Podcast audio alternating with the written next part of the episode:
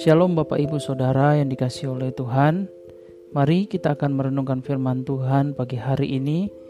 Sebelumnya mari kita berdoa bersama-sama. Tuhan kami bersyukur untuk kebaikan-Mu. Karena pagi hari ini kami diberikan kesempatan kembali untuk merenungkan firman-Mu. Tuhan ajar kami untuk mengerti firman-Mu Dan kiranya kami menemukan rema-rema yang bisa kami terapkan di dalam kehidupan kami ya Tuhan Terpujilah namamu, kami mengucap syukur dan berdoa. Haleluya. Amin. Bapak Ibu Saudara, renungan kita pada hari ini masih di dalam kitab Yeremia. Dan kita sudah sampai di dalam pasalnya yang ke-35 Bapak Ibu Saudara. Bapak Ibu Saudara sebelum kita membaca firman Tuhan Bapak Ibu, saya ingin bertanya kepada Bapak Ibu semuanya. Menurut Bapak Ibu, apa arti dari sebuah ketaatan? Bapak Ibu mungkin ada yang akan menjawab Ketaatan itu adalah melakukan sesuatu seperti yang diperintahkan oleh orang yang menyuruhnya atau orang yang memimpin kita. Ada juga yang akan menyampaikan ketaatan itu berarti adalah melakukan firman Tuhan dan lain sebagainya Bapak Ibu Saudara. Ketaatan bukanlah hal yang biasa, sekalipun kata taat atau ketaatan merupakan kata yang sering sekali kita dengar atau diucapkan oleh orang-orang karena ketaatan itu adalah pola hidup atau sikap hidup dari seseorang, baik itu kepada pemimpinnya atau kepada Tuhan secara khusus berbicara tentang hal yang yang bersifat rohani Bapak Ibu Saudara. Tetapi Bapak Ibu Saudara sekalipun ketaatan ini merupakan hal yang umum yang sering kita dengar atau kita ucapkan, ketaatan merupakan sesuatu yang sulit dilakukan oleh banyak orang. Ada banyak orang di dunia ini yang tidak taat dalam banyak hal Bapak Ibu Saudara. Tetapi sedikit sekali orang yang bisa melakukan atau hidup di dalam ketaatan ini Bapak Ibu Saudara. Sebagai contoh, ada banyak orang yang tidak hidup dalam ketaatan. Saya berbicara tentang sesuatu yang umum sebagai contoh adalah taat untuk mematuhi peraturan lalu lintas Bapak Ibu Saudara. Salah satunya adalah berhenti pada saat berada di lampu merah. Kemudian berjalan ketika lampu sudah menjadi hijau. Saya memperhatikan ada banyak orang ketika berada di lampu merah Bapak Ibu Saudara kalau dia melihat kanan kiri, muka belakang tidak ada mobil atau tidak ada kendaraan Bapak Ibu Saudara walaupun lampu di mana dia ada itu masih merah, biasanya dia akan terobos saja. Nah, ini adalah salah satu contoh orang yang tidak hidup dalam ketaatan Bapak Ibu Saudara. Ada banyak orang juga tidak taat kepada firman Tuhan Bapak Ibu Saudara. Salah satu contohnya ada banyak orang lebih mengutamakan kepentingan pribadi daripada datang ke rumah Tuhan. Ada banyak orang oleh karena hanya karena hujan sedikit tidak datang beribadah. Sering sekali ketaatan kita ditentukan oleh situasi dan kondisi yang sedang kita alami Bapak Ibu Saudara. Bapak Ibu Saudara Yeremia pasal yang ke-35 merupakan bagian yang sangat menarik dari kitab ini Bapak Ibu Saudara. Sebenarnya di dalam pasal-pasal sebelumnya juga Tuhan telah memberikan contoh tentang pentingnya taat. Tuhan telah memberikan contoh tentang pentingnya mendengarkan Tuhan, pentingnya mempercayai Tuhan. Tuhan melalui Yeremia menyampaikan berbagai contoh ilustrasi yang nyata yang sedang terjadi di sekeliling mereka untuk mengajarkan kepada mereka kebenaran yang Allah mau mereka tangkap dan mereka lakukan Bapak Ibu Saudara. Bapak Ibu, mari kita akan membaca terlebih dahulu supaya kita lebih memahami di dalam ayat yang pertama sampai dengan seterusnya Bapak Ibu bisa memperhatikan Yeremia 35 ayat yang pertama sampai dengan ayat yang ke 5 Bapak Ibu Saudara. Dikatakan demikian firman yang datang daripada Tuhan, dari Tuhan kepada Yeremia di zaman Yoyakim bin Yosia Raja Yehuda bunyinya. Pergilah kepada kaum orang rekap, bercaralah dengan mereka dan bawalah mereka ke rumah Tuhan, ke dalam salah satu kamar, kemudian berilah mereka minum anggur. Maka aku menjemput Yaazanya bin Yeremia bin Haba Zinya beserta saudara-saudaranya dan semua anak dan semua anaknya. Pendeknya segenap kaum orang rekap. Aku membawa mereka ke rumah Tuhan ke dalam kamar anak-anak Hanan bin Yigdalya, abdi Allah.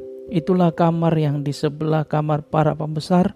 di atas kamar Ma'asya bin Salum penjaga pintu. Di depan anggota-anggota kaum orang rekap itu aku meletakkan piala-piala penuh anggur dan cawan-cawan. Lalu aku berkata kepada mereka, silakan minum anggur. Bapak Ibu Saudara, jadi kronologi daripada ayat ini atau pasal ini Bapak Ibu Saudara, bahwa firman Tuhan datang kepada Yeremia supaya Yeremia menjemput orang-orang rekap membawa mereka ke rumah Tuhan ke dalam salah satu kamar dari abdi Allah kemudian menyuruh mereka minum anggur Bapak Ibu Saudara. Mengapa Yeremia diperintahkan Tuhan demikian Bapak Ibu Saudara nanti kita akan mengerti uh, di dalam ayat-ayat berikutnya apa maksud Tuhan daripada firman Tuhan yang disampaikan kepada Yeremia untuk Yeremia lakukan yaitu menjemput orang-orang rekap membawa ke rumah Tuhan kemudian menyuruh mereka minum anggur.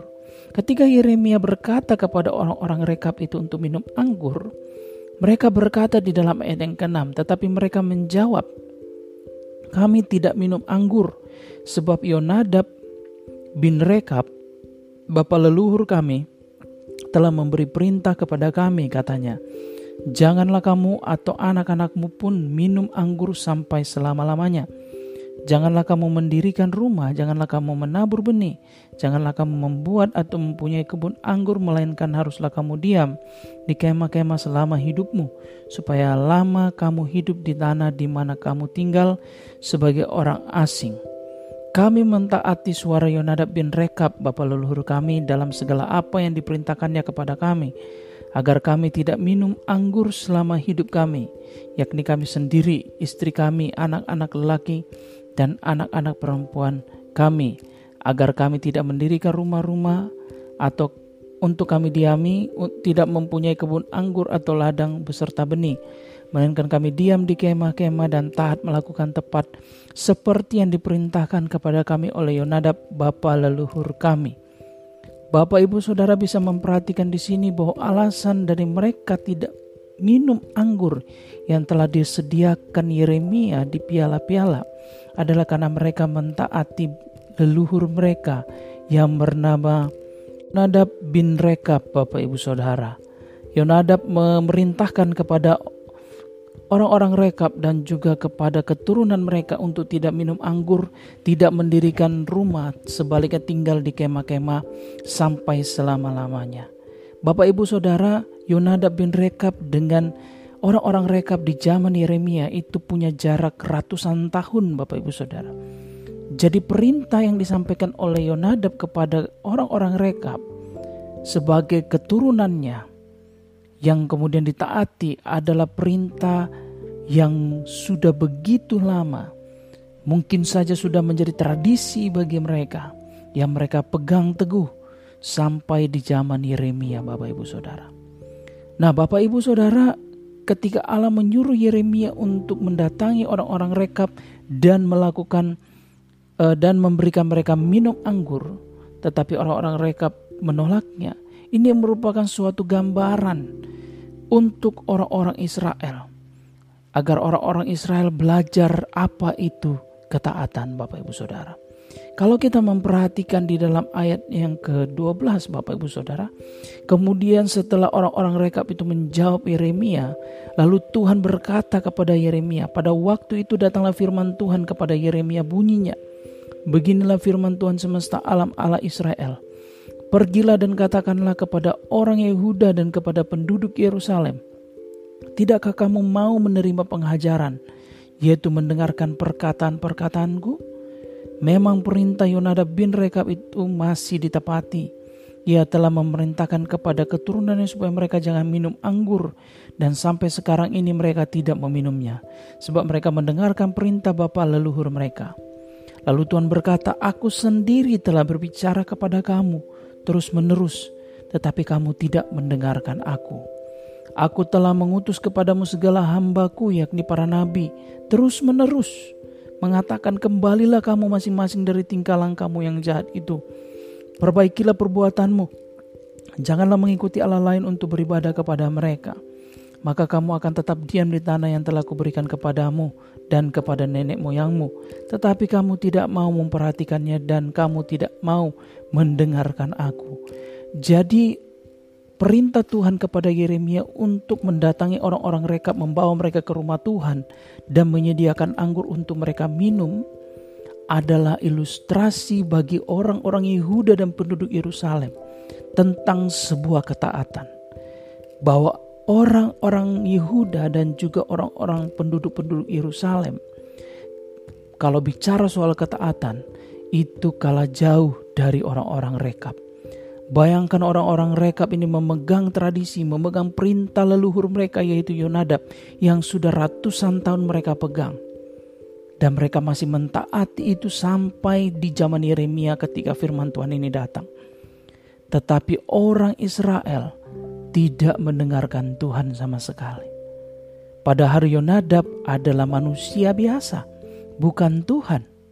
Tetapi keturunannya bisa taat tetapi orang Yehuda dan penduduk Yerusalem yang memiliki Bapa dan Tuhan segala Tuhan, Allah segala Allah, yang berfirman kepada mereka, tetapi mereka tidak taat, bahkan mereka mengabaikan perkataan Tuhan itu dan menolak nabi-nabi yang sudah diutus Tuhan untuk membawa mereka berbalik dari kehidupan mereka yang jahat. Ini merupakan suatu gambaran bagi mereka, Bapak Ibu Saudara. Lalu kemudian ayat yang ke-17 sebab itu beginilah firman Tuhan Allah semesta alam Allah Israel. Sesungguhnya aku mendatangkan kepada Yehuda dan kepada segenap penduduk Yerusalem segala malapetaka yang kuancamkan atas mereka. Karena aku telah berbicara kepada mereka tetapi mereka tidak mau mendengarkan. Dan aku telah berseru kepada mereka tetapi mereka tidak mau menjawab. Jadi segala yang terjadi kepada orang Yehuda dan kepada penduduk Yerusalem pada masa itu adalah oleh karena mereka tidak mendengarkan Tuhan, tidak taat kepada Tuhan. Bapak, ibu, saudara, sebenarnya ilustrasi ini atau peristiwa ini yang terdapat di dalam pasal yang ke-35 ini tentang orang-orang rekap itu sama dengan kita Bapak Ibu Saudara. Ada banyak orang-orang di antara kita Bapak Ibu Saudara yang lebih memegang teguh perkataan manusia perkataan leluhur daripada perkataan Tuhan. Terkadang kita mengabaikan perkataan Tuhan dan lebih mengutamakan perkataan-perkataan manusia daripada perkataan Tuhan, Bapak Ibu Saudara. Maka kita perlu bertanya kepada diri kita seberapa penting firman Tuhan dalam hidup kita. Seberapa penting perkataan Tuhan dalam kehidupan kita. Padahal kita bersama tahu bahwa perkataan Tuhan atau firman Tuhan adalah hidup Firman Tuhan bisa membawa kita kepada kehidupan. Firman Tuhan bisa membawa kita kepada berkat-berkat yang tidak terduga dalam kehidupan kita. Tetapi kenapa kita tidak taat kepadanya, Bapak Ibu Saudara? Bapak Ibu ada sebuah ilustrasi yang saya baca, yang saya coba renungkan dalam kehidupan saya juga Bapak Ibu Saudara. Ada seorang jemaat yang berkata kepada pendetanya begini Bapak Ibu Saudara. Pak Pendeta, beberapa minggu lagi saya ingin pergi ke Yerusalem.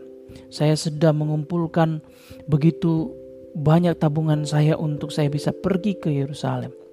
Kemudian pendeta ini berkata kepada dia, Lalu setelah engkau sampai di Yerusalem di Israel apa yang mau kau lakukan? Lalu kemudian dia berkata, waktu saya nanti sampai di Israel, saya mau pergi ke Gunung Sinai sambil membacakan 10 Taurat yang ada di dalam Alkitab sambil membacakan dengan keras-keras firman Tuhan sambil naik ke Gunung Sinai itu. Jadi dia mau naik ke Gunung Sinai, jadi sambil perjalanan naik ke Gunung Sinai dia mau membaca Alkitab dan membacanya dengan keras-keras. Lalu dia sampai dia sampai di puncak Gunung Sinai Bapak Ibu Saudara. Lalu kemudian pendeta itu tersenyum dan berkata kepadanya begini. Untuk apa kamu pergi ke Israel, jauh-jauh pergi ke Israel, kemudian berlelah-lelah naik ke Gunung Sinai sampai membaca hukum Taurat atau firman Tuhan? Bukankah jauh lebih baik kalau kamu pergi pulang ke rumahmu, kemudian baca Alkitab itu di rumahmu, lalu kemudian lakukan firman Tuhan atau Alkitab yang kamu baca itu dalam kehidupanmu. Itu akan jauh lebih bermanfaat, akan jauh lebih menyukakan hati Tuhan daripada engkau pergi ke Israel, teriak-teriak naik ke Gunung Sinai sambil membaca firman Tuhan dengan keras-keras. Bukankah alangkah baiknya bahwa firman Tuhan itu Tidak hanya dibaca, tetapi juga dilakukan. Bapak Ibu Saudara kalau saya bertanya kepada Bapak Ibu mungkin sebagian besar Bapak Ibu tahu apa isi Alkitab. Tahu cerita-cerita penting di dalam Alkitab. Tahu ayat-ayat yang yang penting di dalam Alkitab. Ayat-ayat tentang keselamatan, tentang iman, tentang penginjilan dan lain sebagainya. Tapi pertanyaannya Bapak Ibu Saudara apakah ayat yang kau tahu itu engkau lakukan atau tidak? Apakah Alkitab yang kau punya yang kau baca setiap pagi, setiap hari itu kau lakukan atau tidak? Karena membaca saja tidak akan ada faedahnya Bapak Ibu Saudara kalau engkau tidak hidup melakukan kebenaran firman Tuhan. Membaca firman Tuhan sehari-hari itu sangat baik Bapak Ibu Saudara. Tetapi melakukan firman Tuhan yang kita baca, kita renungkan itu juga baik Bapak Ibu Saudara. Karena ketaatan kita dihitung melalui perbuatan kita Bapak Ibu Saudara. Firman Tuhan yang kita baca, kita dengarkan, kita renungkan kita taat melakukannya, maka kita akan diberkati. Amin Bapak Ibu Saudara, mari kita belajar dari gambaran ini. Orang-orang rekap yang memiliki leluhur seorang manusia yang memerintahkan kepada mereka sesuatu hal dan mereka taat melakukannya. Kita terlebih lagi kepada Tuhan Bapak Ibu Saudara. Kita harus jauh lebih mementingkan suara Tuhan, perkataan Tuhan, firman Tuhan untuk kita taati daripada hal-hal yang lain. Bukan berarti Bapak Ibu tidak boleh taat kepada atasanmu, tidak boleh taat kepada peraturan sekolah, peraturan di mana engkau bekerja dan lain sebagainya. Bukan berarti seperti itu Bapak Ibu. Engkau harus taat kepada peraturan-peraturan itu. Tetapi di dalam kehidupan kita, ketaatan kita kepada Tuhan tidak boleh digoyahkan oleh apa pun Bapak Ibu Saudara. Amin. Demikianlah renungan kita pada hari ini Bapak Ibu. Mari kita akan berdoa bersama-sama. Terima kasih ya Tuhan kami bersyukur untuk kebenaran firman-Mu yang sudah mengajar kepada kami bahwa pentingnya kami sebagai orang Kristen untuk hidup di dalam ketaatan. Karena ketaatan kami akan membawa berkat Tuhan dalam kehidupan kami. Kami harus lebih mengutamakan suara Tuhan, taat kepada Tuhan lebih daripada hal-hal yang lain ya Tuhan. Karena suaramu, perkataanmu, adalah hal yang utama di dalam kehidupan kami.